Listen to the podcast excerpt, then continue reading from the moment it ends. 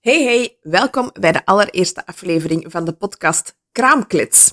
Mijn naam is Stefanie, ik ben kraamverzorgende en ik krijg dus dagdagelijks heel veel mooie, minder mooie, grappige, leuke, spannende verhalen te horen over hoe iemand een um, zwangerschap, zwanger worden, een bevalling, een kraamperiode heeft meegemaakt.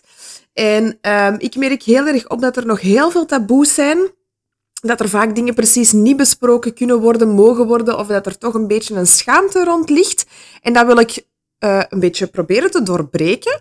Nu, dat is iets wat iedereen voor zich moet uitmaken, uiteraard. Maar um, de mama's die bij mij een gezellige koffie komen drinken, die vertellen mij heel veel plezier hun verhaal. Hoe zijn zij zwanger geworden? Was dat moeilijk? Was dat niet moeilijk? Wat hebben ze er allemaal voor moeten doen? Hoe was het zwanger zijn? Is dat inderdaad effectief zo? Die een hele mooie droom dat je hebt gehad over die mooie buik en rustig genieten en pronken met je zwanger zijn? Of was dat een heel andere beleving? Waart je misschien helemaal niet graag zwanger? Vond je zwanger zijn fantastisch? Um, hoe is een bevalling geweest? Ging dat vlotjes? Ging dat niet vlot? Um, kindjes die jammer genoeg ook stil geboren zijn. Um, het gaat ook over geboorteverlies gaan. Dus eigenlijk gaat het heel ruim. Het is de bedoeling dat echt alles kan besproken worden met de mama's die hier uh, op bezoek komen, die hun verhaal komen vertellen. En um, ja, het is zeker en vast niet mijn bedoeling om een super professionele podcast op de wereld te zetten. Het is echt gewoon twee vrouwen die samen gezellig babbelen over hoe het allemaal is geweest. Alle vragen kunnen en mogen gesteld worden. Er mag uiteraard ook gezegd worden dat er iets niet leuk was of zo. Um, we houden niks verborgen, we houden niks geheim. We delen heel veel.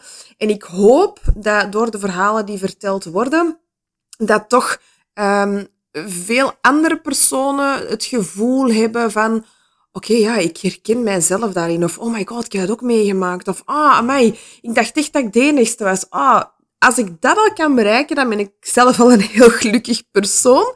Dus um, ja, ik, ik hoop echt dat jullie er even hard van gaan genieten om naar deze verhalen te luisteren als dat ik heb gedaan. Het was soms heel intens. Daar kan ik jullie al best wel voor waarschuwen. En dan bedoel ik echt van heel verdrietig tot kei grappig, tot um, ja, spannend. Um, ik ga natuurlijk nog niet te veel verklappen. Ik wil dat alle verhalen echt um, beluisterd worden. En um, ja, voor de rest ga, je, ga ik jullie nooit niet al te veel uh, lastigvallen met lange intro's of weet ik veel. Het draait hem echt om de verhalen. En hetgeen wat wel heel leuk zou zijn, is dat jullie een leuke review of sterretjes of zo achterlaten voor mij op Spotify. Of um, jullie kunnen mij ook volgen op mijn Instagram-pagina. Dat is uh, kraamkost underscore by underscore Stefanie. Uh, daar probeer ik zoveel mogelijk te delen, maar daar deel ik ook lekkere receptjes en zo. Um, dus ja, altijd welkom daarop. Hier ga ik ook uh, wel wat over de podcast over delen. Dus ja, dan denk ik dat het um, belangrijkste gezegd is wat er gezegd moet worden. En dan wens ik jullie alvast heel veel plezier met het beluisteren naar de podcast. En ik ben ontzettend benieuwd naar wat jullie ervan vinden. Dus um, ja, laat mij zeker iets weten. Stuur mij maar een berichtje of een mailtje of maakt niet uit. Um, ik hoor het graag. Veel plezier!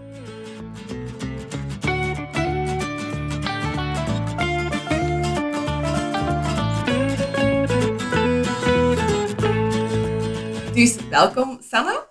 Hallo. um, ja, Sanne, um, hoe oud ben jij en ben jij mama? Ik ben 30 jaar en mijn babytje is ondertussen 4 maanden en een half. Oh, schattig. Een jongen, dacht ik, hè? Ja, Otis. Ja, Otis.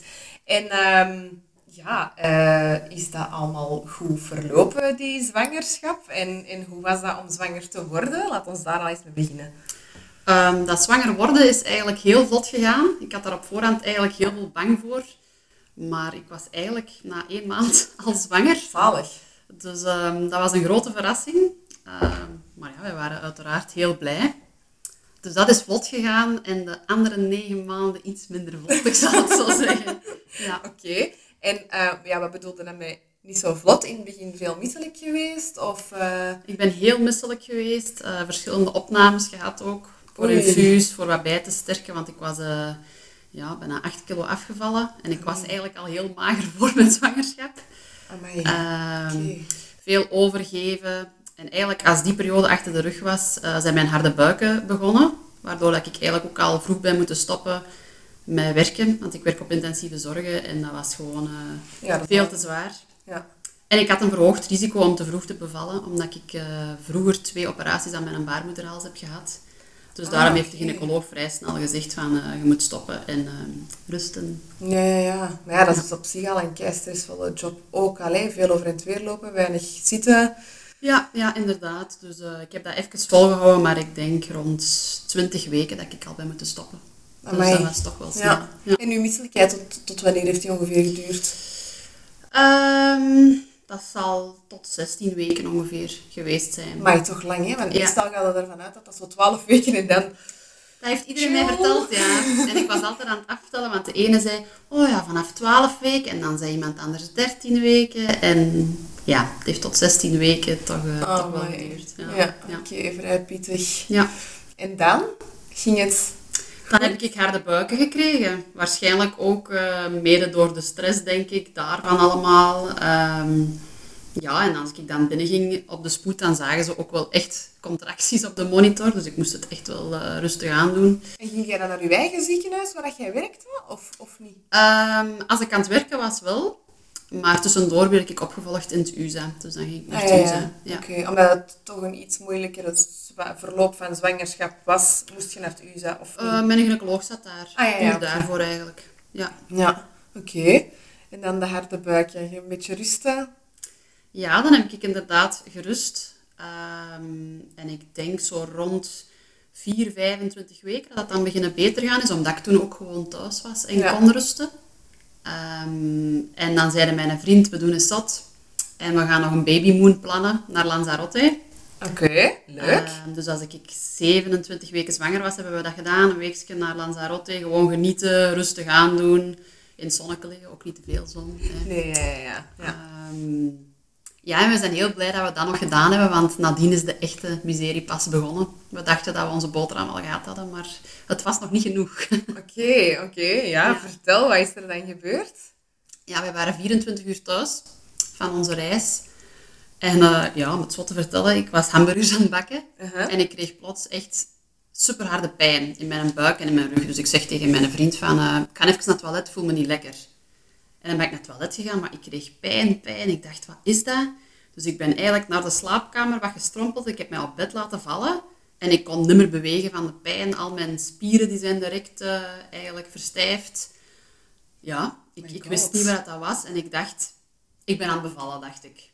Ja, want ik vermoed, aangezien dat jij in een ziekenhuis werkt, op, op de intensieve zorgen, ja, ah, ja. dat, dan gaat er, wel, gaat er wel van alles door je hoofd, vermoed ik dan. Dat, Ja, allee. dat klopt. Ik had op die moment te veel pijn om daar echt goed over na te denken, maar ik wist wel van, oh my god, je gaat geboren worden. En ik ben nog maar, ja, juist 28 weken zwanger. Oh god, amai. En ik voelde van, wat is dit? Ik kreeg die pijn niet onder controle, in geen enkele houding.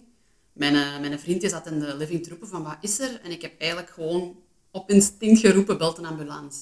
En die zei, maar Sanne, ik breng u wel aan de spoed. Ik zeg, Ronald, ik zeg, ik kan niet meer bewegen. Ik zeg, ik zeg, belt naar de ambulance, want ik denk ja, dat ons kindje geboren gaat worden. Maar als je dan zo... De, de, de pijn dat jij nu beschrijft, komt voor mij heel erg in de buurt van nierstenen. Ik heb ooit een keer nierstenen gehad. Ik wist Ja. niet meer waar krapen van de zeer. Ik kon niet meer stappen, niet meer liggen, niet meer hangen. Niks niet meer. Dus had jij dan niet eerst het gevoel van, er is hier iets met mijn nieren? Of ging dat echt... Ik heb daar echt niet bij nagedacht. En achteraf bekeken denk ik van, Sanne gaat moeten weten dat dat geen weeën waren. Want dat komt niet ineens, boem, baf. Dat komt in vlagen. En mij was dat van 0 naar 100 pijn in tijd van een minuut of zo. Maar op die moment heb ik daar totaal niet bij nagedacht. Dat dat dat kon zijn. Nee. Waren je dan niet kei bang?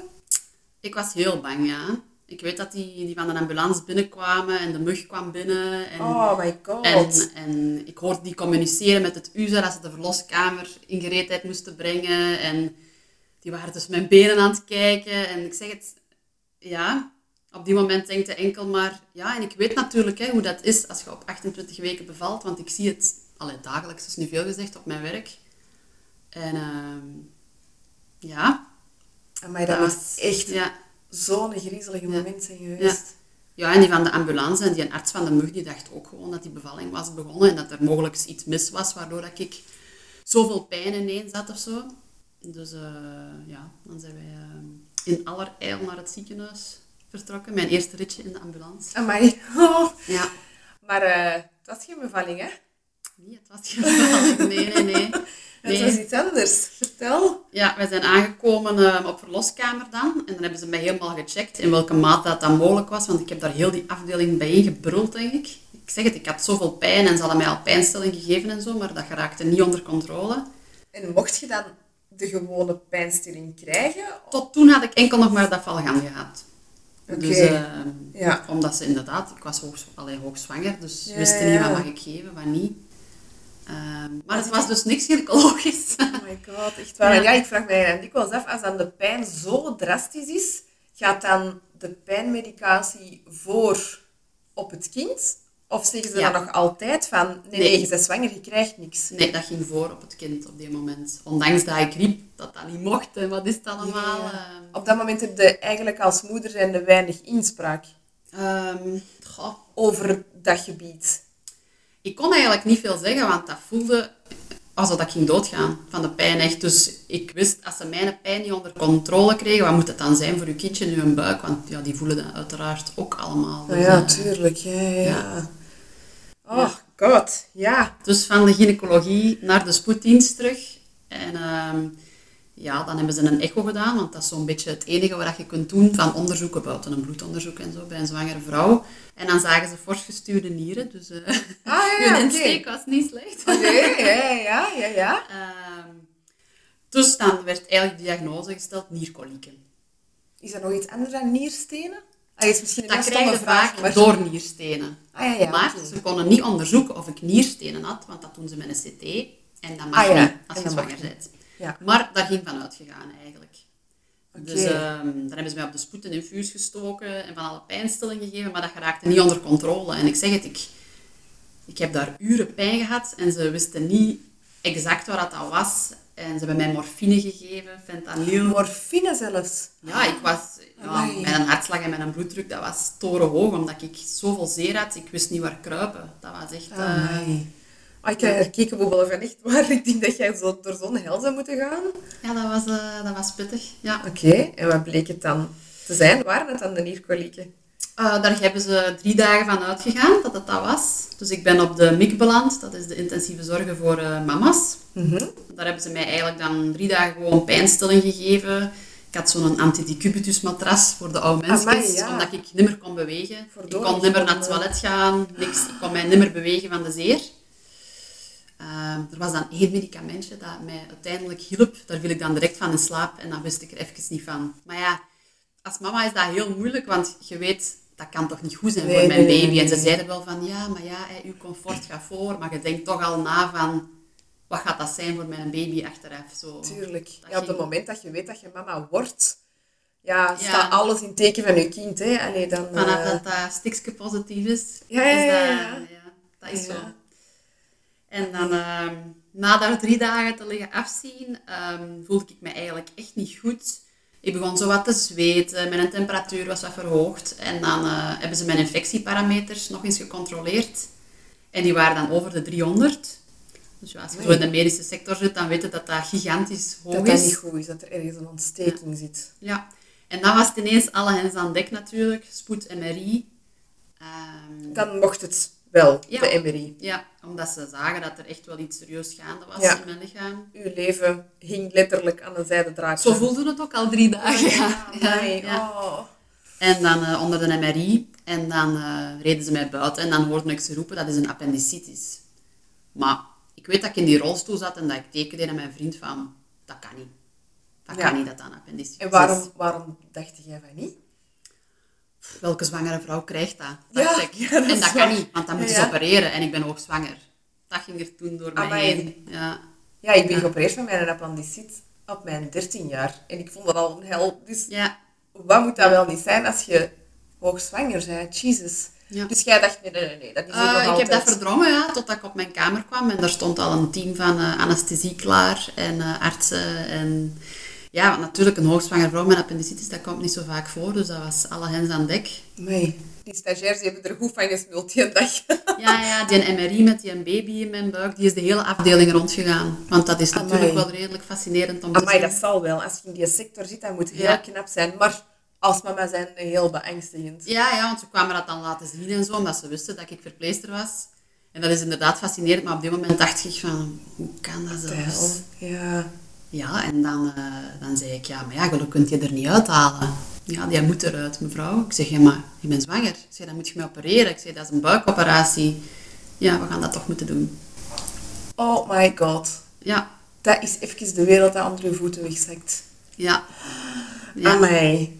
ja en dan, eh, ja, dan eh, zijn ze mij spuitjes komen geven, longrijping. Om mijn babytje de beste kansen te geven. Want ja, de kans was uiteraard groot dat hij ging geboren worden tijdens of na die operatie. Ja. Ehm, dus dat was pittig, want dat zijn begrippen natuurlijk die ik op mijn werk heel vaak hoor. En ja, ineens eh, maak je dat zelf mee. Plots komt er een neonatoloog op je kamer om uit te leggen aan je partner wat dat is als je bevalt op 28 weken. Dat zijn zo de gesprekken op het werk die dat je meedoet als verpleegster bij die mensen. Waar dat Maar je ik heb- mentaal echt op voorbereidt. Want dat zijn kei gesprekken, vermoed ik. Ja, Ja, want ja, er zijn er ook wel bij die dat het niet overleven, vermoed ik, op die leeftijd. Hè? ja zeker. Ja. Oh. En dat was eigenlijk een heel gek moment, omdat de neonatoloog die toen binnenkwam in mijn kamer, die kende ik. Omdat ik ook op die afdeling eh, ben beginnen met werken. Ah, dus die ja. kwam mijn kamer binnen en dat was zo van, oh my god, het is echt zo. En ik dacht toen echt van, die gaat geboren worden. Ik moet me daarop voorbereiden. En eigenlijk waren die in dat gesprek vrij positief over de kansen van een babytje van 28 weken. Terwijl jij goed genoeg weet. Ik weet goed genoeg dat dat niet goed is als uw kindje voor 30 weken geboren wordt. Dus mijn partner zei achteraf, maar Sanne, en ik zeg, Ronald, ik zeg, dat wordt een beetje verbloemd, hè. Ik zeg, dat is normaal. En ik zeg, dat is een moment dat die een arts binnenkwam dat ik nooit ga vergeten, omdat ik toen dacht van, ja, shit just got real. Ja. Dat is echt... eh, Ja. En ging jij er dan eerder al vanuit van... Oké, ja, we gaan hier afscheid moeten nemen van onze baby. Of nee, kom, we gaan er keihard voor knokken. Of heb je daar gewoon geen tijd over gehad om daarover na te denken? Ja, ik heb daar eigenlijk redelijk veel tijd voor gehad om over na te denken, omdat ze 36 uur moesten wachten om mij te opereren. Door die longrijping. Door die longrijping. Ja. Dus jij lag, bij wijze van spreken, te wachten op dat je kindje het goed zou doen, maar wetende dat de kans dat het met u heel slecht zou aflopen ook wel... Ja, ja op die moment was. was het voor ons allebei niet zo, eh, niet zo positief. Dus ehm, Ik neem aan dat er dan wel gesprekken zijn geweest met u en uw man, waarop dat je zegt van... Als je moet kiezen... nee, die, gesprekken zijn er nooit geweest. Maar ik heb wel altijd tegen Ronald gezegd, als je moet kiezen, dan moeten we met een baby kiezen. Meen het? Ja, ja, Amai, ja. ja, Snap ik volledig, hè? ja. Maar, Maar eigenlijk, ja, als je daar objectief... Het ziekenhuis doet dat niet, hè. Het nee, ziekenhuis nee. kiest voor de mama. Maar ja, ja. op Ja. die moment... Ik zeg het, dat was al zo'n pittige zwangerschap geweest. En ik dacht, oh my god, ga ik niet een deze moeten afgeven? Of een periode van maanden op neonatologie moeten doorbrengen. Want je weet hoe dat, dat gaat. En, en je weet welke risico's er zijn. En Ja. dat is niet zomaar gewoon tot 40 weken op neonatologie liggen. Maar dat is vaak een parcours met heel veel ups en heel veel downs. Ja, ja. En En angst en over het weer rijden en, en fysiek... Ja. Oei, mijn koffiemachine, sorry. geen probleem. Het zijn hier allemaal podcasts met koffie, hè? Ja. Het is belangrijk als je juist mama zegt, ik ga ineens nog eens drinken. Hè. voilà, inderdaad, laat hem eens maken. Dus ja, nee, inderdaad. Dus die gesprekken zijn er niet geweest. Maar wat voor Nee. gesprekken zijn wat, er dat we, wat dat we mochten verwachten ehm, voor mij en, en voor de baby. En als die geboren zou worden, ehm, hoe dat, dat dan ging zijn. Ik had, ik had vooral heel veel bang dat ik ging geopereerd worden en ging wakker worden met een lege buik. Oh my god, ja, inderdaad. Maar heel vaak is het blijkbaar pas nadien Dat, je echt in gang schiet en dat ze dan geboren worden. Ja, want die... Allee, ik ben- mij dat dus nu heel fysiek aan het voorstellen, maar die dokters zien uw babyke in uw, in uw baarmoeder zitten, terwijl dat je ja. Allee, dat klinkt nu misschien een hele positieve kant ineens, maar dat is wel ongelooflijk fascinerend. Terwijl jij daar even de schrik van je leven Dat is ook hè? zo. Er zijn zoveel assistenten bij die operatie geweest. En zelfs de gynaecoloog zei van, eh, ik ga erbij blijven, want dat maakte niet vaak mee. En op die moment zeggen die dat om je een beetje alleen, je moet ook een beetje positief proberen te Ja, blijven. ja. En, maar je denkt alleen maar van, oh my god. Ja, jij zit echt in een nachtmerrie, hè? Ja, ja. En voor die dokters is dat mega fascinerend en super leerrijk. En, en, maar jij op dat moment wel een soort van proefkonijn, hè? Ja, dat is. En ik, ik kon me dat echt niet inbeelden dat ze in uw buik zitten te snijden vlak bij die baarmoeder. Want mijn appendix, die ligt eigenlijk normaal ja, voor uzelf aan uw rechterkant van onder. Ja. Die lag bij mij aan mijn rechterkant van boven. Ah, dus je doordat ik, ik had een hele dikke buik Ja. en die was helemaal verschoven. Oh, dus die lag eigenlijk ja, nog dichter tegen waar dat uw kindje ligt dan normaal. Oef, oké. Dus eh, Ja, ja. amai. ja. Oké, en dan de operatie. Dus de 36 uur zijn gepasseerd, longrijping is in principe Ja. goed gegaan. Ja, dat was goed gegaan en, en mijn kindje bleef het goed doen op de monitor en zo. Dus ehm, die was daar eigenlijk vrij oké mee. Je zag op de monitor als ik meer pijn kreeg, dat zijn hartslag ook omhoog ging. Dus daarom dat ze mij ook Ja. zoveel pijnstilling moesten geven. Want ja, voor, voor je baby is dat ook niet goed Nee, natuurlijk. natuurlijk niet. Ja, en dan die morgen, ik denk om half acht, ik stond als eerste op het programma, ja, omdat ze zo lang moesten wachten. Ehm, ja, ben ik dus geopereerd, in slaap gedaan. Dat is ja, mega onwerkelijk, want je weet, als je zelf in slaap gaat, slaapt mijn kindje ook. Dat is, ja, dat is Ja, heel onnatuurlijk. En ik ben wakker geworden. En ik heb gevoeld aan mijn buik. En mijn buik was nog altijd heel dik. Dus dat is denk ik het eerste, ja, dat zij het... eh, de verpleegster van anesthesie ook het eerste wat je hebt gevraagd is baby, baby. Ja. En dan hebben ze mij gezegd, hij zit er nog in. Maar meer konden ze ook niet zeggen, Ah, nee. want ze kunnen op ehm, de ontwaakkamer nog geen monitor aanleggen. Ah, oké. Dus ik moest zo snel mogelijk terug goed zijn, naar de kamer mogen, zodat ze die monitor konden doen. Maar ik heb Over astma. een beetje pressure gesproken. Ja. Ik heb astma en ik ben niet zo goed ontwaakt eigenlijk. Dus ze hebben mij aan de zuurstof moeten hangen. Dus dat heeft eigenlijk allemaal vrij lang geduurd voordat ik op mijn kamer was.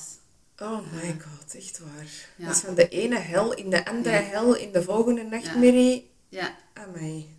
ja en ik- ook dat in slaap vallen. Ik, allee, is dat niet super griezelig? Je moet zo voor in dat... Ik kan me dat nog altijd inbeelden. Als je zo in slaap wordt gedaan, moet je eigenlijk rustig en ontspannen Ja. zijn. Want Ja. anders zeggen ze dat dat ook effect kan hebben op je narcose. Ja, inderdaad. Ja. Maar ja, allee, jij gaat niet met alle plezier... Ik ben huilend in slaap gegaan, maar ik ben wel in mijn huilbui proberen zo rustig mogelijk te blijven. Omdat ik inderdaad wist van, oké, het is voor hem, je moet rustig zijn, je moet rustig zijn. Ja. En ik heb wel geweend, maar ze waren echt ook super lief. ehm, ja, ik zeg het op elkaar en zo. Dus op zich va wel. Ik denk dat ik redelijk in slaap ben gegaan. Niet over mijn toeren en ik ben ook niet over mijn toeren wakker geworden. Ja, dat is ook al Dus. Ja. dat was wel goed. Oké. Dus en dan waren de terug een beetje stabiel en mochten terug naar uw Ja. kamer. Ja. En dan hebben ze direct de monitor aangehangen. En dan zagen ze dat mijn kindje nog aan het slapen was. Dus ja, dan zie je dat die een hartslag zo 140 is op een strakke lijn. Ja. Maar op zich is dat oké. Die mogen nog even slapen. Ehm, en dan na twee uurtjes ongeveer is hem wakker geworden, denk Ah ik. ja, oké. Dus ik ben is aan de monitor blijven hangen. Ja, ja, ik hield dat natuurlijk heel de tijd in Ah doog. ja, tuurlijk. In zoverre dat ik redelijk wakker was. Want allee, ik was echt wel niet super na die operatie. Nee, ja, narcose heeft al veel invloed op Ja. u laat staan. Met heel die hel en zwanger zijn Ja. erbij. Ja, ja, ja, ja. Ja, en dan hadden ze ook nog een draai moeten steken in mijn buik. Want mijn appendix was echt al aan het barsten, dus er was echt al etter in In mijn buik. Dus ze hebben een draai moeten plaatsen. En dan eigenlijk, als we zagen dat ons kindje wakker werd, ehm, ben ik, ik helse pijnen beginnen krijgen. Omdat die schopte tegen de plaats waar die een draai zat. Ja. Dus Oh. mijn buikvlies, dat werd heel de tijd geprikkeld. Dus eigenlijk was dat heel positief dat hij wakker werd. Maar vanaf dat hij wakker was, ben ik oh, daar beginnen brullen, brullen. Ik zeg het, ik had al heel veel pijn gehad. Maar die pijn van toen, dat wens ik mijn ergste vijand niet toe. Oh, Dat is god, echt, echt, eh, waar. Ik had al eens gehoord van mensen die zo'n buikvliesontsteking hebben, dat dat zo pijnlijk is. Ja, en bij mij was dat dus ook irritatie van je buikvlies, doordat je daar tegen ligt te stampen. Ja, ik heb, ik heb daar heel de afdeling bij ingeschreven. Mijn partner is naar buiten gevlogen om iemand te gaan halen. En dan hebben ze eigenlijk met spoed die een draai er terug uit moeten trekken, omdat ze zagen dat ik volledig... Ja, Ja, ik ging volledig van de kaart, van de zeer. Dus eh, even zo rap tussendoor, zonder verdoving, die een Oh, er terug uitgetrokken. En dan hup, nietjes erin voor die terug.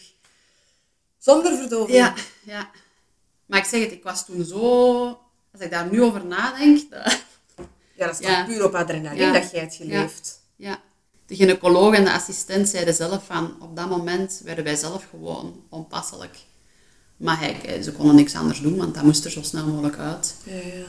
En ehm, ja, dan zouden denken, eind goed, al goed.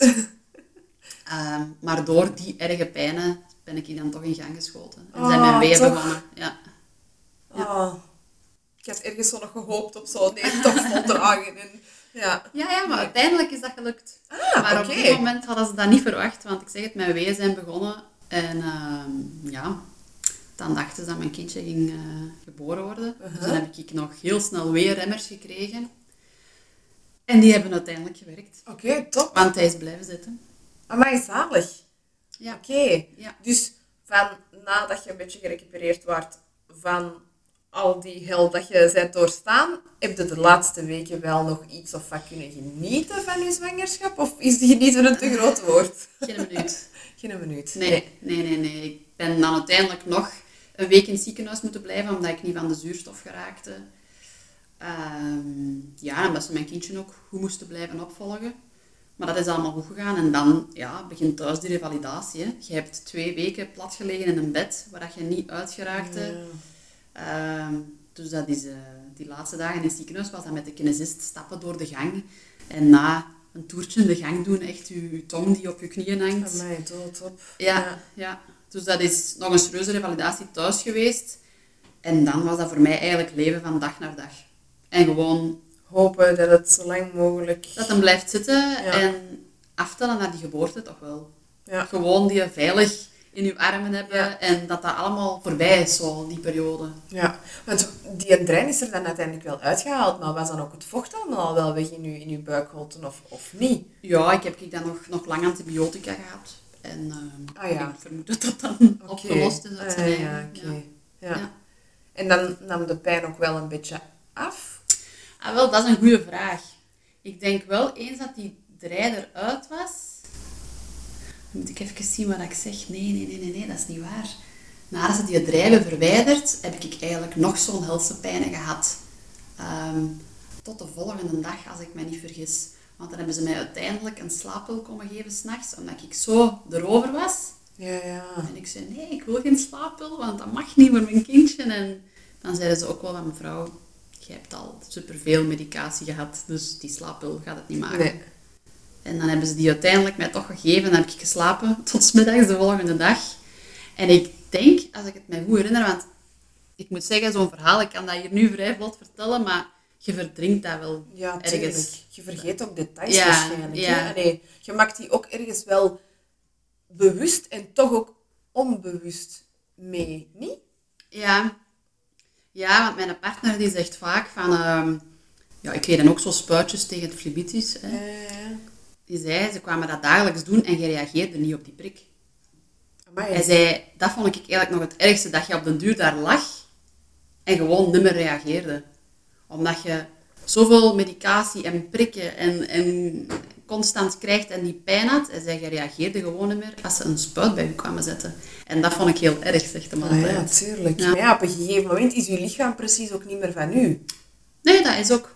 Dat is ook. Ja. Het, het start eigenlijk al gewoon met dat een ambulance aankomt met een mug.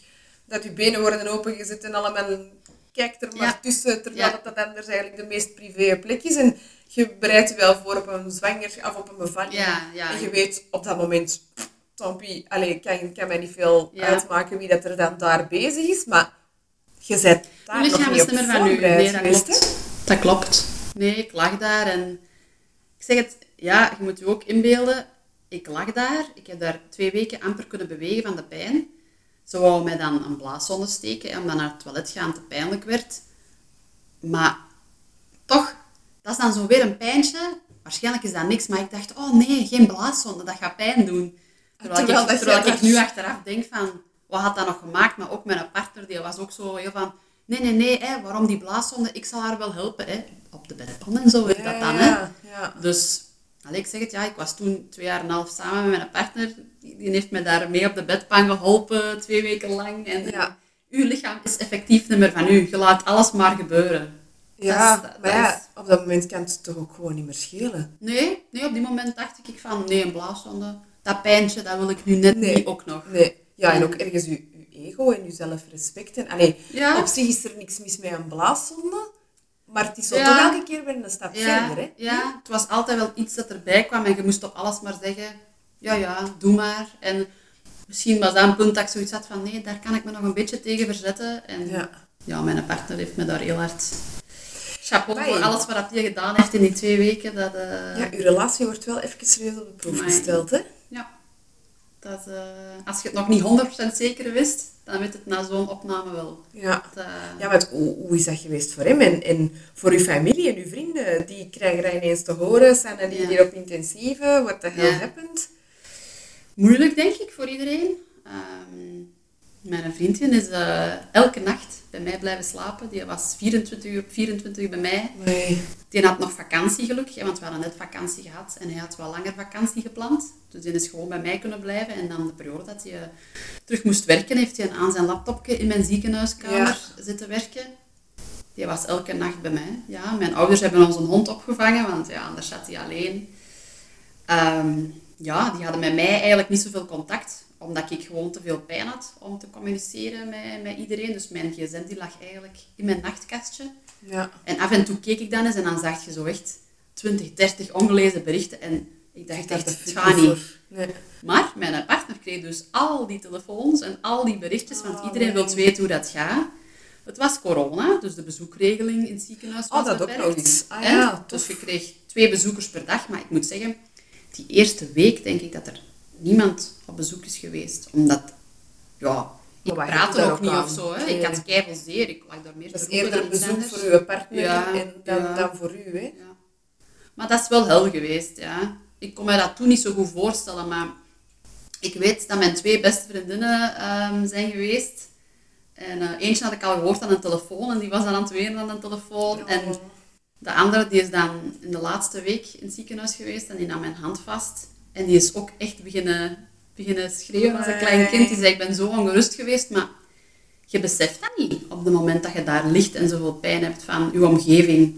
Voor mij was mijn omgeving toen, Ronald en ik, in dat ziekenhuis. Ja, ja, ja. En, eh, Ja, met anderen is er niet bezig natuurlijk. nee, je bent daar niet mee bezig. Terwijl andere mensen zijn echt wel aan het nadenken over shit, Sanne, zou we hier wel eens even kunnen overlijden. Hè?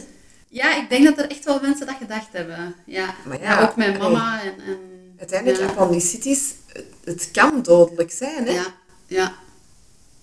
Ja, dat is zo. En, en weet je, nu achteraf, hè, we zijn nu eh, zoveel maanden verder, denk je ook wel eens van, wat als die een appendicitis, als die een appendix echt was gesprongen, want dan had Otis er nu niet geweest. Hè. Is dat? Als, dat denk ik wel, ja. Als dat echt springt in uw buik en alles zit vol etter en aan die baarmoeder, Oh. dan... Of dan had hij geboren geweest en had hij heel slecht geweest, denk ik. Oké, maar daar gaan we niet over nadenken. Nee, nee, maar dat komt zo Alles af en toe. Ja, tuurlijk. Maar ik blok dat ook wel heel snel terug af altijd. Ja, ja, ja. ja, ja. Dat is ergens zo gewoon dankbaar zijn dat het toch zo is gelopen, Ja. gelijk als dat het is gelopen. Ja, ja. Ja, dat is ook, want nu hebben wij natuurlijk een gezond kindje van vier maanden en een half, Oh, die dat daar ligt te lachen en af en toe denkt zo wel eens van, oh my god, dat had zo anders kunnen geweest zijn. Ja. Als je later in zijn puberjaren zit, kun je zeggen, Ja. weet jij wel Ja. waar ik voor u heb doorstaan?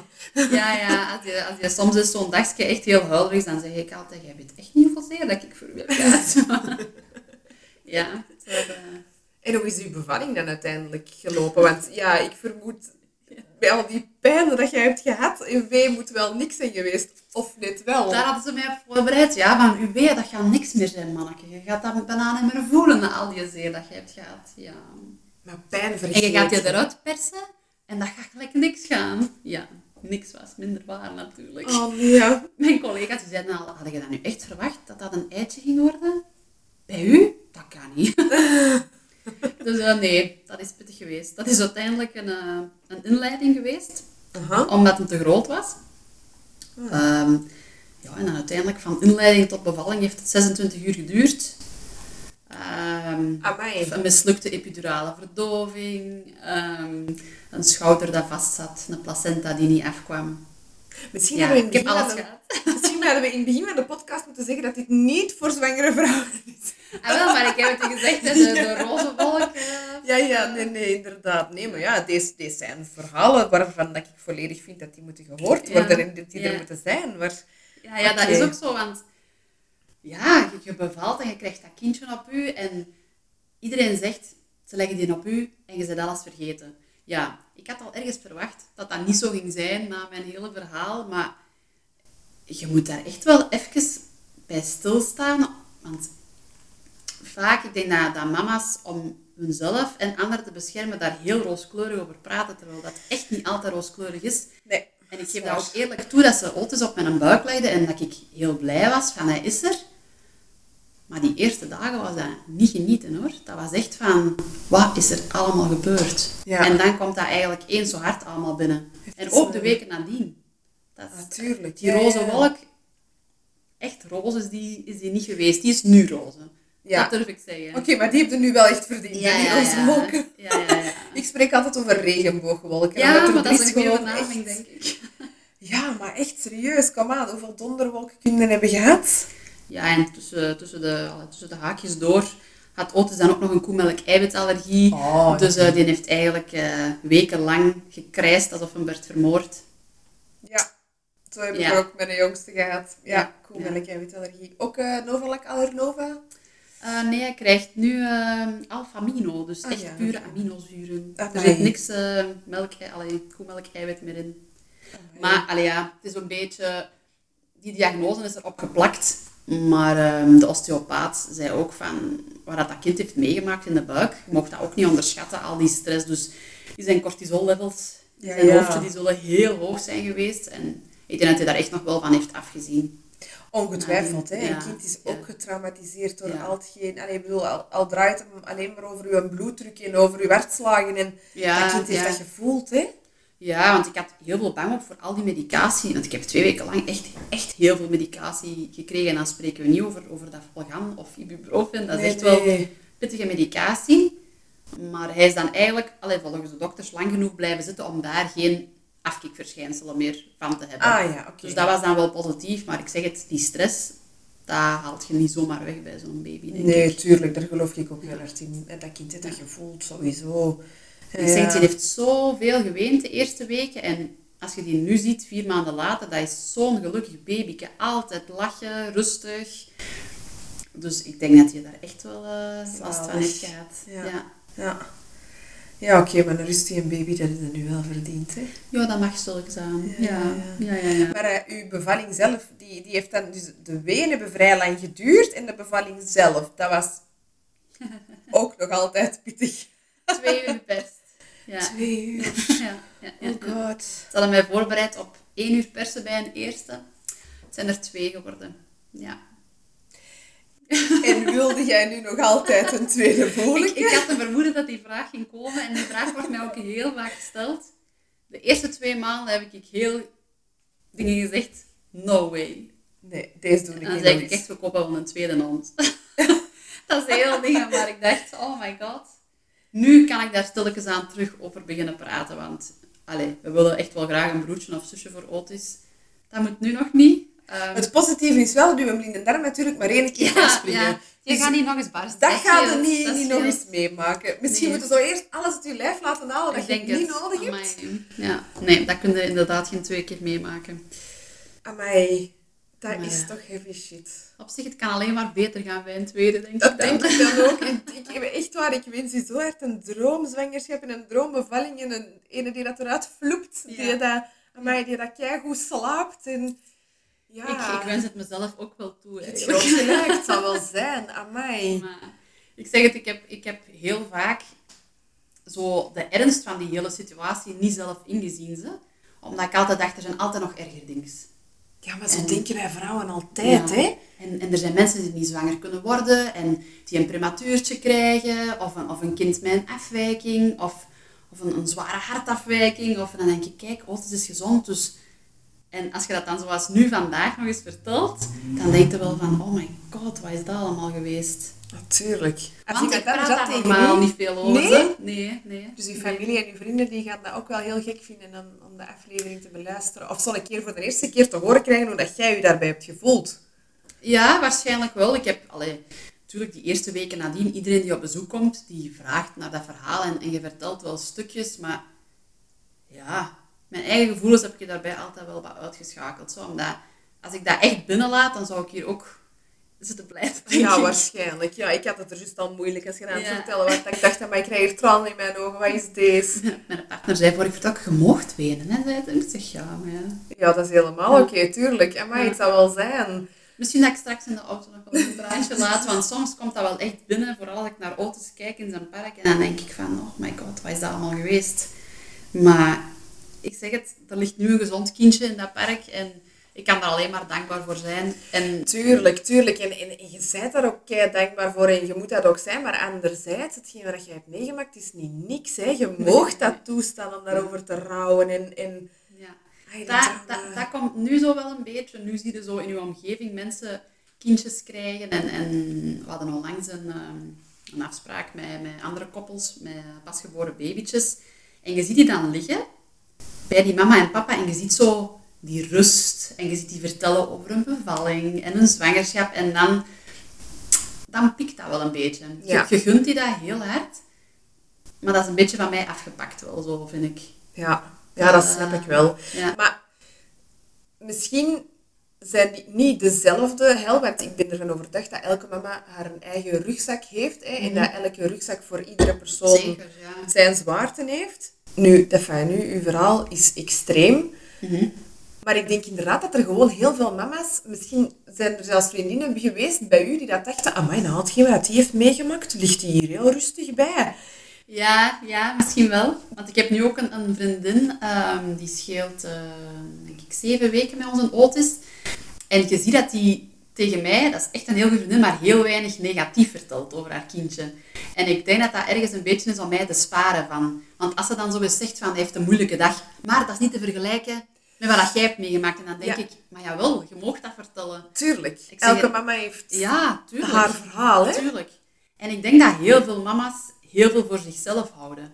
En En dat is jammer, hè? dat is jammer, want daardoor, zelfs al heb je een perfecte zwangerschap, je bevalt nadien en je wordt mama en je denkt, oh my god, wat overkomt mij? Tuurlijk. En dat is helemaal niet allemaal positief. Maar je denkt, ik post een fotootje op Instagram met mijn Ja. babytje zalig in de zetel. En Ja. je gaat geen fotootje posten hè, van je baby die ligt te krijsen. Jij met uitgelopen make-up Ja. aan het wenen is en een Nee. dat gaat er niet posten. Of zelfs geen make-up, want wie raakt er dan zelfs aan? Ja, ik, ik heb vandaag eh, nog eens make-up op gedaan, maar dat komt zelf voor. Nee, ja, dat is inderdaad zo. Maar ja, allee, elke... Eigenlijk zou dat wat meer moeten. dat er over de, wordt. de hè. echte dingen die gepost worden. Zo. Ja, dat is inderdaad. Ja. Dat is waar, maar dat is moeilijk om toe te geven aan de wereld Ja? dat het soms niet goed gaat. En een baby is het mooiste wat er is. En, en je ziet dat zo graag. Maar het is echt niet allemaal positief. Nee, nee, dat is zo, dat is zo. En dat is echt wennen. En ineens word jij in die rol van moeder gestoken. En ik merk dat zelf ook heel hard. We hadden eigenlijk een redelijk bruisend leven. En elk weekend wel naar ergens en op vakantie en citytrips. En nu zijn het mama en papa. Ja. En voorlopig ben je even niks anders dan mama en papa. Nee. En dat is oké. Maar dat Ja. is keihard wennen.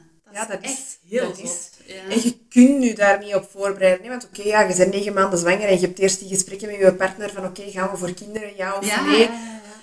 En dan, er is niemand dat u kan zeggen hoe dat jij mama moet zijn. Nee, Want dat advies nee. krijgt er rond uw oren Oh, geslagen. hè? verschrikkelijk. Als mensen daar al eens mee zouden stoppen, dat zou het een pak makkelijker maken. Ja, ja, of het judgen. Ja. Het judgen vind ik niet oké. Ja. Want hé, nu, ik ken als kraamverzorger en ik kom bij veel gezinnen. En er zijn mama's die hun kinderen maandenlang bij hun laten slapen. Wil dat zeggen dat ik dat daarom zou doen? Nee. Maar wil dat zeggen dat ze dat niet mogen doen? Of dat mijn manier beter is dan die van hun? Totaal niet. Tuurlijk, En ja. dat vind ik wel dat dat zo wat meer mag besproken worden. Zo het, het, het is inderdaad, gelijk als je zegt, niet alleen maar roze geur en maneschijn. En er gebeuren erger dingen. En er zijn dingen die dat gebeuren die dat kei erg zijn, maar goed eindigen, gelijk als bij u. Hè? Je hebt nu gelukkig een gezond kindje. Ja, als dat nu anders had afgelopen, dan... Voilà, dan hadden we hier eh, helemaal nee. anders gezeten. nee, nee, nee, En er zijn inderdaad verhalen die zo aflopen, jammer genoeg. En dat Ja, zeker. niemand zeker. toe. Ja. Maar dat mag allemaal wel verteld worden. En ja, het is een beetje een beschermmaatschappij waarin dat we zitten. Van, ja, maar het gaat bij mij... Maar het komt wel goed, hè? Allee. Dat zeg ik ook altijd. Het komt goed, hoor. Ja, en dat is ook zo. En Dat zijn misschien de komt sms'jes die ik altijd vanuit het ziekenhuis heb gestuurd. Komt wel goed. Zo Ja. gewoon van... Ja. Moet je niet te hard opboeien. Komt wel in orde. Ja. ja. Terwijl dat je jezelf niet zo voelt. Maar je zegt het wel zo. Dat is Om waar. mensen een beetje te... Ja, ja, ja, dat is, tussen. Ja. dat is inderdaad. En eh, op het einde komt altijd alles goed. Dat is mijn levensmotto. En komt het nog niet kijk goed, dan is het nog van niet het einde. Ah, wel, voilà, het is ermee. Maar ik denk dat we wel inderdaad als mama zijn elkaar net iets meer mogen steunen. Ja. ja. En willen luisteren naar die verhalen. En als het op dat moment voor u als mama zijnde niet uitkomt, dan moet je dat ook zeggen. Van, ik wil uw verhaal graag horen, maar nu even niet. Ja, voilà. Ik denk dat dat een Dat is- betere manier is. Ja, Ja, hè, van, Ja. Nu, kan, nu kan het voor mij even niet, maar weet dat ik wel echt die tijd voor u wil maken. Maar voor mij Ja, gaat het nu, voor mij persoonlijk niet. Maar dat is Nee, een hele moeilijke, heel moeilijke grens. Hè. Uw vriendinnen zullen dat inderdaad, gelijk als dat je er juist zegt van die negatieve dingen, ze mag dat vertellen. Hè, want je, Je weet, dat. je weet dat dat daar niet 100% positief altijd Voilà, kan zijn. En dan denk ik van, verdorie, zeg nu eens, wat gaat er daar niet goed? Dat maakt niet uit. Eh, Lucht je hart een keer. Ja, ik, daarvoor ik weet zelf hè. heel goed hoe nodig dat, dat was bij mij. Dus, maar dat is ergens een bescherming naar mij toe, omdat die zoiets hebben van, ze heeft al zoveel meegemaakt. Ik ga niet mijn shit nog eens vertellen. Ja. Terwijl dat, je, dat ik denk van, allee, we zijn vriendinnen. Vertel mij wat je wilt vertellen. Dus na deze podcast gaan al uw vriendinnen u overstelpen met allerlei dat denk verhalen. Ja, dat kan goed zijn. maar ja, het mag ook, hè. Ja. Maar heb je veel steun gehad aan uw familie en uw vrienden? Ja, zeker en vast. Ik zeg het, op, op zo'n moment leert je wie dat er het belangrijkste zijn in je leven en wie dat er echt met je in zit. En ik heb zoveel berichtjes gehad van mensen waarvan dat je het eigenlijk niet verwacht, dat ik denk van, wauw, dat zijn eigenlijk betere vrienden dan dat ik dacht. Ja. En ook mensen waarvan dat je denkt, oei, je hebt niet gevraagd hoe het is. Ja. En, En- net van u verwachtte ik het wel. Ja, ja, inderdaad. Ja. En dat is echt zo. Als het erop aankomt, dan weten wie dat er voor u belangrijk is. En dat weet ik zeker. En ik ben gezegend met een, een, eh, een fantastische partner, een leuke familie en leuke vrienden, Oh, die dat er allemaal heel hard voor mij zijn geweest. Dus ik kan alleen maar dankbaar zijn. Oh my, keigoed. Keigoed. Ja. Allee, een dikke merci aan uw partner en aan al uw vrienden en uw familie die er Ja. wel voor u waren. Dat kan ik niet wel zeggen. Ja, Ja, sowieso. oké. En uw partner zie je het ook nog altijd zitten voor een tweede kindje? Je zou nu al willen beginnen liet doen, maar eh, dan Hold the vertel ik af en toe een paar dingen en zeg dan, ah ja, mis- misschien toch nog even wachten. Ja, ja, ja, Want heb je nu een beetje begeleiding gekregen voor dat te verwerken? Of heb je het gevoel van nee, ik heb dat niet nodig? Of is dat niet aangereikt geweest? Dat is aangeboden, jawel. Ja. Maar ja, ik ben zo nogal iemand, ik verwerk dat liever zelf. En ik kan daar wel over praten, dat is vooral met mijn partner.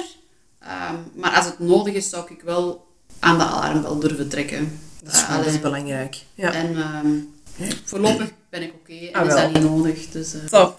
Keigoed. En wel, dan gaan we hiermee afsluiten. Ja. En dan hoop ik in ieder geval dat de volgende zwangerschap echt Ja. een droom van een zwangerschap is. Die dan dat kom ik hier eh, over de roze wolken. Ah wel, Ja. keigoed, dat is de deal. Merci in ieder geval, hè.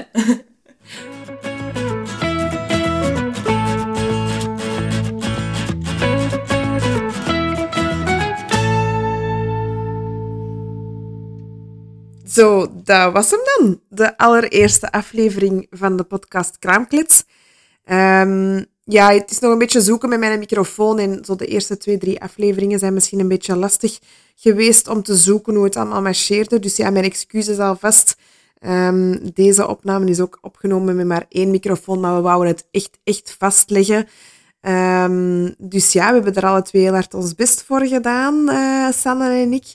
En ja, ik vond het sowieso echt een, een zot verhaal. En ik denk dat de, de dokters en de vroedvrouwen en, en ja, iedereen die er op dat moment bij moet zijn geweest, het toch ongelooflijk spannend moet gevonden hebben, zo'n buikoperatie met een baby daarin. Eh, vooral Sanne dan en haar partner. Want ehm, ja, dat, is, eh, dat was toch redelijk pittig, lijkt, lijkt mij. Ehm, dus ja, ik, ik hoop toch dat jullie, eh, ondanks misschien het geluid af en toe, er toch echt van hebben genoten en dat jullie het toch echt een heel leuk verhaal vonden. Eh, ja, laat vooral zeker een keer iets achter laat mij weten hoe dat jullie het vonden. En ehm, ja, op naar het volgende verhaal zou ik zo zeggen. Hè. Bye bye.